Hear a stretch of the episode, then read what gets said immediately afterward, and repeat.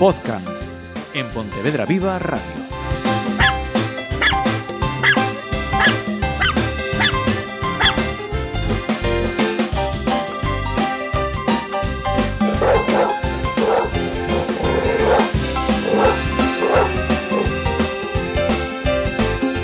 Saludos, ¿qué tal? Eh, Diego no descansa, por lo menos con podcast. No, no, bueno, no, con lo que es tema perros nunca, nunca. Lo primero, vamos a presentar a la parte fundamental de este programa. Diego Álvarez, educador canino, bienvenido una semanita más. Muchas gracias, una semanita más. Va- ¿Vacaciones eh, fuera de podcast eh, hemos tenido ya o quedan pendientes? No, de esas subo, ya no, este año ya las consumí todas ya. Esperar los festivos me queda. Bella está de vacaciones, está... Bella lleva de vacaciones unos cuantos años ya. Desde la jubilación.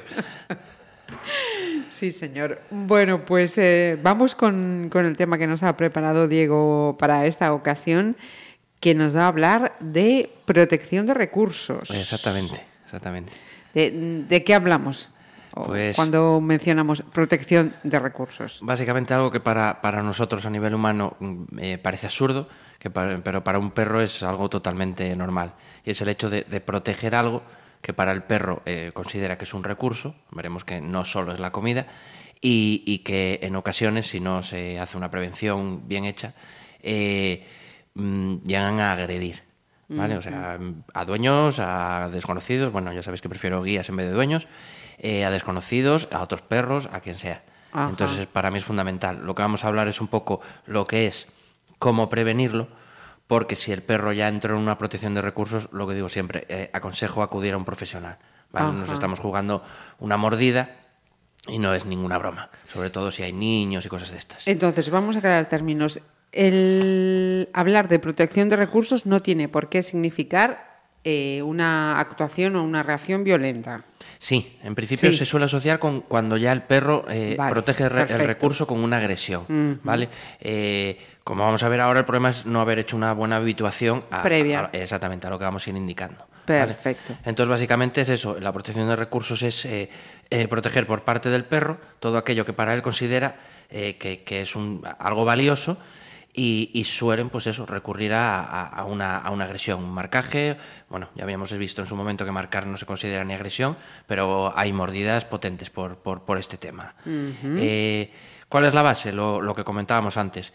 Eh, por un lado, no hacer una buena habituación, es decir, no enseñarle, entre comillas, al perro a compartir. Y, y además eh, ignorar pues, la comunicación del perro, de la que tanto hablamos siempre, como son las señales de calma o incluso la- las de advertencia, ¿vale? Incluso lo que comentábamos muchas veces, reñir al perro cuando me está gruñendo, cuando lo que me está diciendo es no me molestes más que lo siguiente es morder, pues casi prefiero que me gruñas que que me muerdas, ¿vale?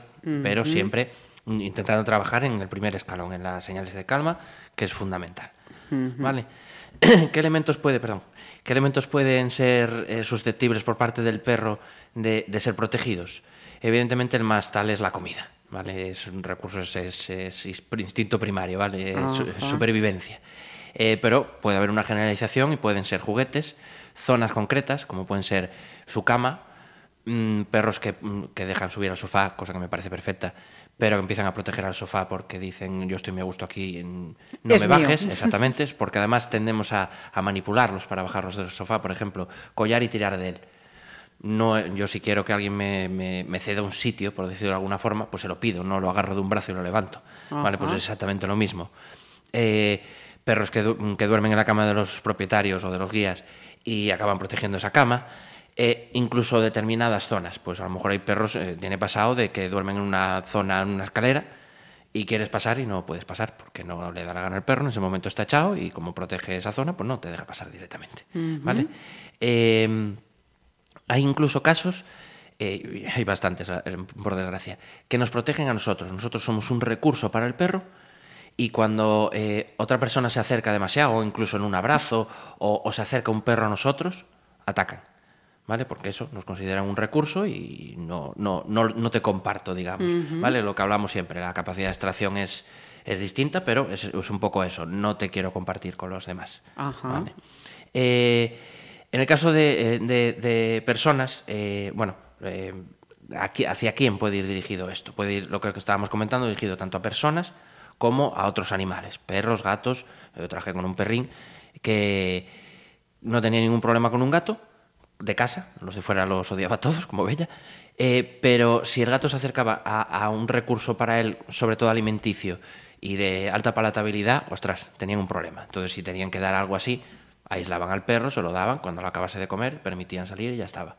Porque si no se podía montar y claro, era un perro potente y un gato... Bueno, Sí. pueden salir dañados los dos, la verdad. Ahí. Eh, entonces se puede dar tanto para hacia personas Como conocidas, desconocidas, como animales conocidos y desconocidos. ¿vale?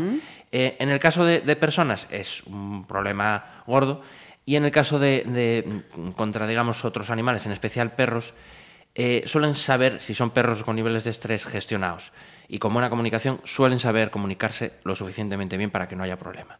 Esto no quita que, que no deberíamos hacer un- algunas cosas que voy a indicar ahora, pero ahí yo no suelo intervenir. Yo, por ejemplo, Bella no es de jugar con palos, pero sí es cierto que si un perro está con un palo, lo suelta, se va, Bella va a ir a coger ese palo. No se lo va a intentar quitar, pero lo va a ir a coger. Y si se le acerca, al- perro que se le acerque le va a gruñir. Nunca corrijo eso. A lo sumo, como Bella no va a proteger el recurso conmigo, quito el palo y para evitar altercados lo tiro a una papelera o lo retiro y ya está. Pero, pero vamos, eh, entre perros no suelo intervenir, si sobre todo es Bella. Hombre, si es un perro ya con protección de recursos hacia otro perro, pues ya procuro que no, que no haya esas situaciones, lógicamente. ¿De, de dónde suele venir esto? Hay varias, varias cosas que, cometemos errores. Una de, las más famosas es la, la famosa frase de meterle la mano en la comida al perro para que se vaya acostumbrando. Vale. Esto en cierta manera puede estar bien si cuando yo meto la mano en la comida del perro, el perro pues sigue comiendo, o simplemente me da una señal de calma y me está diciendo no te acerques. Lo interpreto bien, me alejo y ya está. ¿Cuál es el problema? Que como la gente no conoce las señales de calma y las de advertencia tienden a castigarlas, ¿qué le queda al perro? Arrancarte la mano cuando metes la, la Mano en su comida. En el comedero, exactamente. Entonces, eh, debemos evitar eso y hacer una serie de pautas que son las que indicaremos después. Eh, luego, eh, los famosos guías que van a parques de perros o que van a, a parques, a jardines, con la pelotita y el perro. Y además eh, suelen además saber si su perro tiene o no protección. Y ven a lanzar la pelota, ya hemos explicado muchas veces, lanzar pelota, traer pelota, eso es malísimo, ¿vale? Eh, hay que activar al perro eh, por el olfato, es decir, escondo la pelota, búscala, pero por el olfato, y no por una activación visual, visual que lo que hacemos es activar la caza y ese perro va a acabar desquiciado y con unos niveles de estrés elevados. Entonces, eh, un perro corre para canta, se mete otro perro a jugar, al principio buen rollo y tal, y de repente, ¡pum!, se monta. Vamos a evitar ese tipo de juegos. Eh, a ver, yo si llevo a mi hijo, a mi hijo tiene su tablet y le gusta jugar con su tablet, pero si llevo a mi hijo a un parque, no le doy la tablet para que se ponga a jugar. Primero, ya tiene compañeros ahí con los que Claro. jugar y lo que voy a generar es que el resto de los niños vayan allí y me la dejan, no sé qué, y vamos a tener un Generas discusión. Exactamente, con lo cual va el perro a un parque, pues que se relacione con otros perros, o estate jugando con la pelota, viene otro perro, guarda la pelota y nos ahorramos un problema. Luego lo que comentábamos, también viene de eso, de, de ignorar esas señales de calma y encima reñir o castigar por el hecho de que, de que el perro nos, nos gruña o, o incluso nos marque. ¿vale? Eh, un indicativo claro es acercarnos al comedero del perro y que el perro deje de comer. Si el perro deja de comer, ahí hay mal rollo. seguro. Algo falla. Sí, segurísimo además. Entonces, precaución con, con eso. Luego, los juegos de tira y afloja, que también habíamos hablado muchas veces que no son nada buenos, eh, sobre todo en, en perros de determinado carácter, que estamos entrando en una competencia que no nos interesa. Y le estamos enseñando al perro a, gané, pues como me mola ganar, no quiero compartir más. Entonces, precaución con esos juegos. Eh, lo típico que nos hace mucha gracia de cachorros, de que el perro coge un calcetín y jugamos a correr detrás del perro. O a la inversa, luego lo cojo yo y me viene el perro a perseguir, ah, qué guay. No, nuevamente, podemos estar entrando en una competencia, no nos interesa. Mm, eh, esa situación es tan sencilla como sacar una chuche y enseñarle al perro la chuche. Ahí, mira, tiramos de activación visual, no pasa nada. La lanzamos, eso huele, lo voy a coger, retiramos el calcetín, no seas cerdo, guarda el calcetín en un cesto de la ropa sucia, no lo tengas por ahí, es así de sencillo. ¿Qué me roban los calcetines, coño? ¿Dónde los tienes? ¿Qué me roban las bragas? Joder. Aparte es que... De eh, momento el animal tan listo como para abrir los cajones no, no, es. eh, bueno, lo sé que sí, eh, pero, Sí. pero no se suele dar. Pero eh, dices, que además siempre me roban lo mismo, las bragas y los calcetines. Claro, a ver, el perro no es fetichista. El perro va a lo que más huele a nosotros, por lo general. Zapatos, calcetines. Entonces no es que el perro le guste esconder las bragas para luego subastarlas por, eh, por eBay. ¿vale? Es simplemente por un tema de olor. Por eso se usa muchas veces lo de poner una camiseta para que el perro se quede más tranquilo, porque huele a nosotros. ¿vale? Entonces no, no nos volvamos locos. y luego eh, hacerlo además eh, que no nos hace gracia que nos robe el calcetín y en vez de eso, de dar una chucha o algo así, lo que hacemos es, además de perseguirlo, incluso abalanzarnos, o el perro se mete debajo de la cama, lo agarro del collar, tiro de él. Vamos, estamos ya generando una situación ya que eso va a acabar mal, sí o sí. Desa- eso te iba a decir, Eh, desastre. eh, totalmente. Vale. Eh, ¿Qué es lo importante? ¿Cómo prevenir esto? Eh, desde luego, lo más importante es eh, lo que comentábamos siempre, hacer una buena habituación, porque lo que, lo que hablábamos el otro día de la diferencia entre habituación o, o una desensibilización, que el perro se acostumbre a que podamos manipular sus juguetes, su comida, eh, Sus espacios. su- exactamente, y que no haya ningún problema. Y, sí, y, y- y- eh, se me acaba de ir, pero cuidado, ¿eh? menos, menos mal que ya... ¿Cómo, cómo prevenir? Haciendo una buena exacto, habituación. y luego, eh, en determinados casos, cuando ya se presentó, o incluso aunque no se haya presentado, tener determinados comandos. Es decir, te subes al sofá, no hay problema ninguno, pero viene visita y te tienes que bajar para que se siente alguien, comando baja. Se lo tengo trabajado, el perro se sabe bajar, ya está. Cogiste algo con la boca que no debes, el comando deja, o el comando trae. El deja, lo deja en el suelo, el trae, me lo traes y me lo das en la mano. ¿Vale? Entonces, eh, todo eso, a mayores de, de lo, que, de lo que decimos de, de que genera mogollón de vínculo el, el trabajar con perros, enseñarles comandos, viene muy bien. ¿Vale? Hay gente que me dice, a mí es que lo de enseñar al perro a dar la patita me parece una tontería. Hombre, evidentemente, claro que hay muchas cosas más interesantes que eso. Enseñarle a tu perro que te traiga el mando si es más vago que la chaqueta un guardia, por ejemplo. Pero si se lo enseñamos, se lo enseñamos bien, estamos hac- haciendo al perro trabajar de, cabeza y eso les viene bien y genera mucho vínculo con nosotros. Con lo cual, y hay determinados ejercicios, como puede ser un cobro, sobre todo si el perro tiene instinto de cobro, tal, que no son muy complicados de enseñar y se disfruta un montón. Entonces, eso, eh, que se acostumbre y a mayores, si podemos enseñar los comandos, genial que genial. Eh, se suele recomendar trabajar primero con juguetes, ¿vale? Porque evidentemente eh, intentar quitarle a un perro de la boca algo que es comestible, pues siempre es, es un- lo que hablábamos, es un recurso más valioso, entonces es más fácil trabajar con juguetes y luego ya generalizarlo en comida. Y a la hora de hacer estos ejercicios, también para la generalización, lo, ideal es que lo hagan tanto los guías, las- todas las personas que viven en casa, como gente que no viva en casa, eh, y luego hacer determinados trabajos con otros perros para, para que no haya ese tipo de, de protecciones. Le voy a dar la vuelta al folio y sigo. Eh, Importante, lo que comentamos día tras día tras día. Gestión por parte del perro. Si el perro, ya lo habíamos comentado, nos está dando una señal secundaria de estrés, vamos a parar el ejercicio y ya está. Y si el perro me está gruñendo, no vayamos más allá. Lo que os digo, tenemos un cacho de carne guisada, pues antes de que el perro se vaya a comer ese calcetín o lo que sea, saco un cacho de carne guisada, se la lanzo, el perro la coge, retiro lo que sea y ya está. Es mucho mejor eso que andar a, a, entre comillas, a hostias con el perro para que me devuelva una cosa. Con lo cual eso es muy importante. Eh, en el caso de los juguetes es más o menos sencillo. Basta con trabajar con dos juguetes. Entonces, si el perro tiene uno de los juguetes en la boca, saco el otro juguete o incluso le puedo dar, aunque ya sabéis que en positivo se trabaja primero para enseñar al perro lo que tiene que hacer y después metemos el comando, eh, simplemente saco el otro juguete, el perro va a soltar, le digo muy bien y le doy el juguete que tengo yo en la mano, cogiendo ya el que, ten- el que soltó al suelo. Trabajamos esto, cuando el perro ya lo ya- vaya pillando, le empezamos a meter el deja y ya está, sin problema ninguno. Para el tema de la, de la comida, aquí ya lo, lo, lo desglosé un poquillo más por- para que no haya problemas.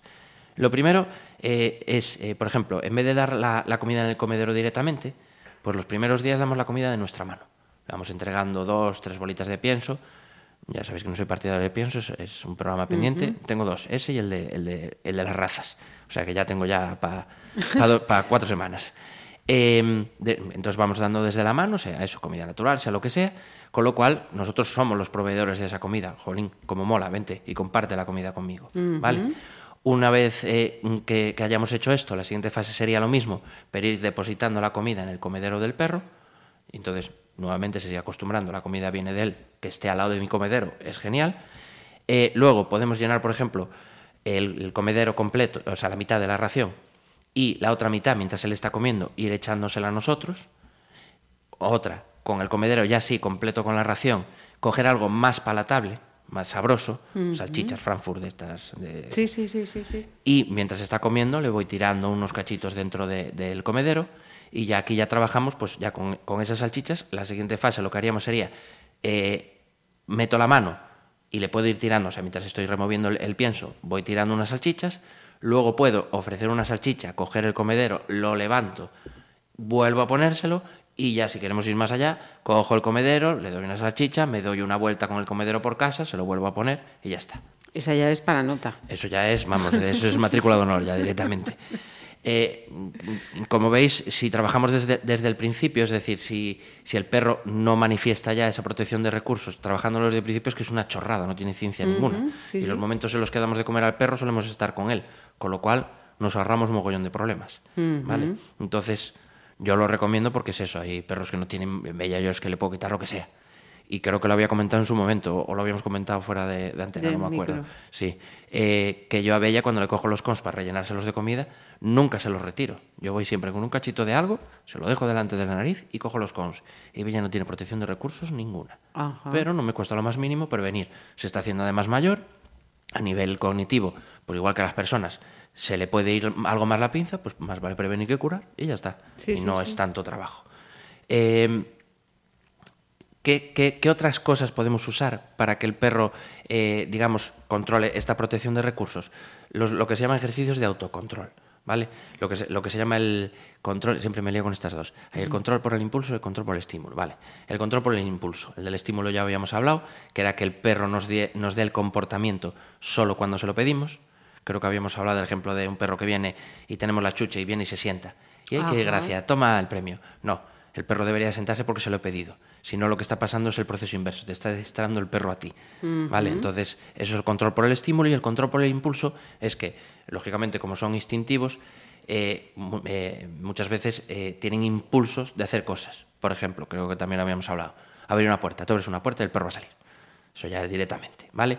Saludar a la gente subiéndose este tipo de cosas, es muy importante que, que, que, haya un, pues un comando para poder, poder pasar o no.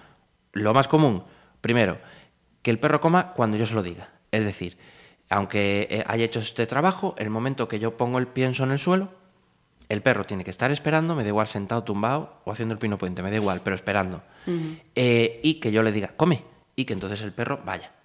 ¿Qué es lo que está haciendo? No está moviéndose por un impulso, se está moviendo porque yo le he dicho que coma. Que, sí, sí. Vale. Eh, esto, eh, lo de siempre, esto no es una cuestión ni de dominancia, ni de jerarquías, ni de leches y vinagre. Esto es una cuestión de prevenir. Uh -huh. Y aparte tenemos al perro concentrado. Yo muchas veces lo que hago es eh, esperar además a que me miren a los ojos. Con lo cual ya no hay una focalización en la comida. Y estoy moviendo el cacharro del pienso y el perro me está mirando a mí a los ojos en vez de estar, ay Dios, que quiero comer, que quiero. No. Y en el momento que me miran, pum, libero sí, sí, sí, y ala, a comer, ¿vale? Luego, eh, lo de salir por la puerta. Mm, yo abro la puerta y Bella no pasa. Es cierto que Bella muchos comportamientos los da porque ella es así. Pero yo, en el momento que le digo, ala, pasa, cariño, ¡uh! Ya pasa la puerta. Ajá. ¿Vale? Genial ese ejercicio también. El saludar a la gente, que aprendan a sentarse para... Viene alguien, ¿puedo acariciar al perro? Sí. Sienta, sienta, acaricia ahora. Y no el perro subiéndose, que a esa persona le va a hacer gracia y te va a decir, a mí no me molesta. Y Dios, sí, pero al niño vestido de primera comunión, cuando sale el perro del barro, igual le molesta un poquillo. Entonces, no es no me molesta, es que el perro uh -huh. tenga esa educación. Eso es. Exacto. El soltar la correa. Para los perros el clic de, de, la, de la hebilla de soltar la correa es, es como, como el clicker. Están condicionados y oyen el clic y ya salen disparados. Y tengo visto a gente soltar que no se soltó del todo y el perro ya sale disparado y ellos detrás. Él, es un verdadero espectáculo. Yo veía, le, le suena el clic y va a seguir caminando a mi lado. Uh -huh. O si lo hacemos en quieto, en quieto. Y si estamos caminando, que lo suelo soltar caminando, va a seguir caminando a mi lado. Le doy un toquecito en el culo y digo, Ale, que es la palabra de liberación para ella, entonces ya sabe que puede ir a su bola. Uh -huh. Todo eso, vuelvo a decir, no es cuestión de dominación, no es, cuestión, es cuestión de educación. Uh -huh. Y muchas veces esos segundos de, de, hacer una cosa, hacer otra, te pueden evitar problemas muy graves. Pues por ejemplo eso, llego a la Alameda, eh, mi perro le encantan los bocatas, miro, no hay nadie, suelto, y de repente aparece un niño con un bocata. Aparte de lo de siempre, de tener llamada y tal, ha sonado el clic, pero el perro no ha salido por el, por el bocate. Mira, voy a ponerle Ajá. otra vez la correa, caminamos, pasamos el bocata y luego te suelto. ¿Vale? Uh -huh. Entonces es muy, muy importante. Y luego lo que os comentaba, eh, a nivel si el perro ya tiene un problema, aunque alguna de las fases estas que he dicho eh, se, se, suelen usar, eh, ponerse en contacto con un, con un educador no, eh, o sea, es un problema bastante grave, pero evidentemente como, como todo tiene solución Y hay veces que puedes llegar a niveles muy buenos y hay veces que a lo mejor lo que tienes que hacer es, a la hora de comer, poner la comida al perro, retirarte y dejarlo tranquilo. Y cuando acabe de comer, retiras el cuenco y ya está. ¿Vale? Pero lo de siempre, o sea, pensar desde el punto de vista eh, de, un, de un perro, no pensemos desde el punto de vista de un humano. Y aún así, si a mí me veis en una churrasquería, no me toquéis el churrasco porque entro en protección de recursos. ¿Vale? Entonces, si lo hago yo, que tengo algo de capacidad cognitiva, no mucho más que un perro, pero algo más, eh, cuanto más un perro que lo que va a hacer es moverse por sus instintos de igual mañana no como, no me toques esto. Ajá. Acaba de decir eh, Diego, si tenéis eh, algún problema, y digo, añado yo, y si tenéis alguna duda y necesitáis un educador, Diego os puede responder también, podéis contactar con él en ese correo electrónico podcast.gmail.com. Correcto. Dejar de mandar que me tenéis saturado el correo ya, ¿eh? Poco a poco, con Exacto. calma, con calma. Contestará a todos. eh. Como los artistas, eh, Sí. a sus fans. Voy a empezar a decirle que- a mi familia, mandaron un correo, aunque sea con un seudónimo.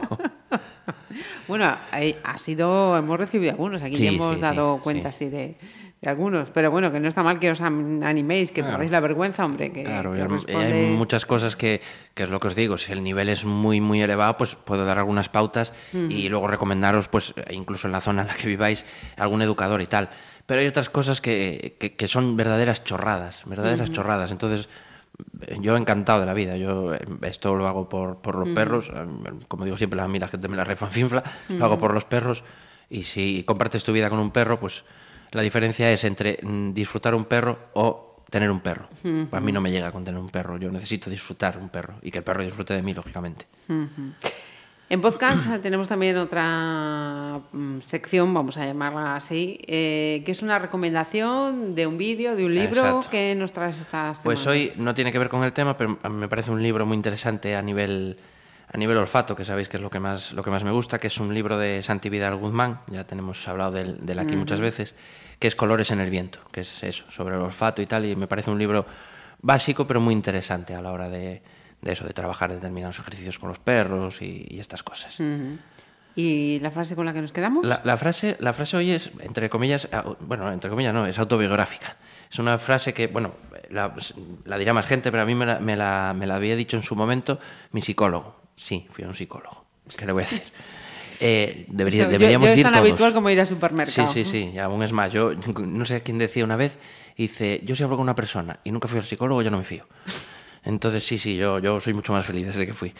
Eh, que me dijo, y es verdad, y es en referencia a este tema, que los niños no son egoístas, los niños son egocéntricos. Hay mucha diferencia entre una cosa y la otra. ¿Vale? Entonces, eh, evidentemente, tú vas eh, eh, educando pues para que el niño aprenda a compartir. Hay estudios ahora que dicen que no debes obligar nunca al niño a compartir. Hay estudios de, sí, sí, que no, que no es bueno forzarlos a, a compartir, que debe de salir de él. No, no lo leí entero. Eh, bueno, todo un poco lo de siempre, ¿no? Evidentemente no es te quito esto y se lo dejas a este niño, no. O sea, realmente el juguete es tuyo. Mm, ¿Lo has traído a un parque? Pues a lo mejor el próximo día no lo traes. ¿Vale? Entonces, lo de siempre, mientras sean técnicas de, de educación en positivo, sea con niños, sea con perros, con adultos no, con adultos a palos directamente, es la mejor forma. Solo, solo funcionamos por multa, es así, o sea que. eh, entonces, es, es cierto, o sea, desde ese punto de vista, yo lo veo así, no son egoístas, son egocéntricos. Ajá. Mira, y esa imagen que nos ilustra este podcast. Exacto. Háblanos. Hoy venimos otra vez con, con un perrín de, de Palleiros, aquí de, de Pontevedra.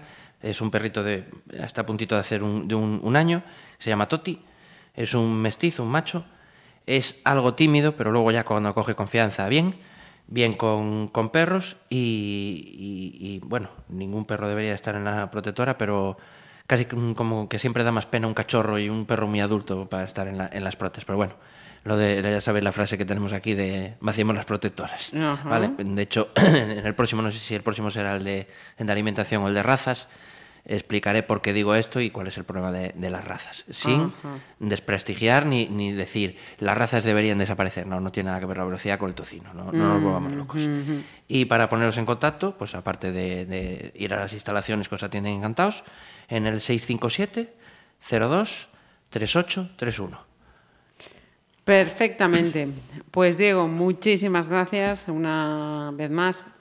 Que la vuelta a las obligaciones se lleve bien y nos volvemos a encontrar en un par de semanitas. Gracias a vosotros.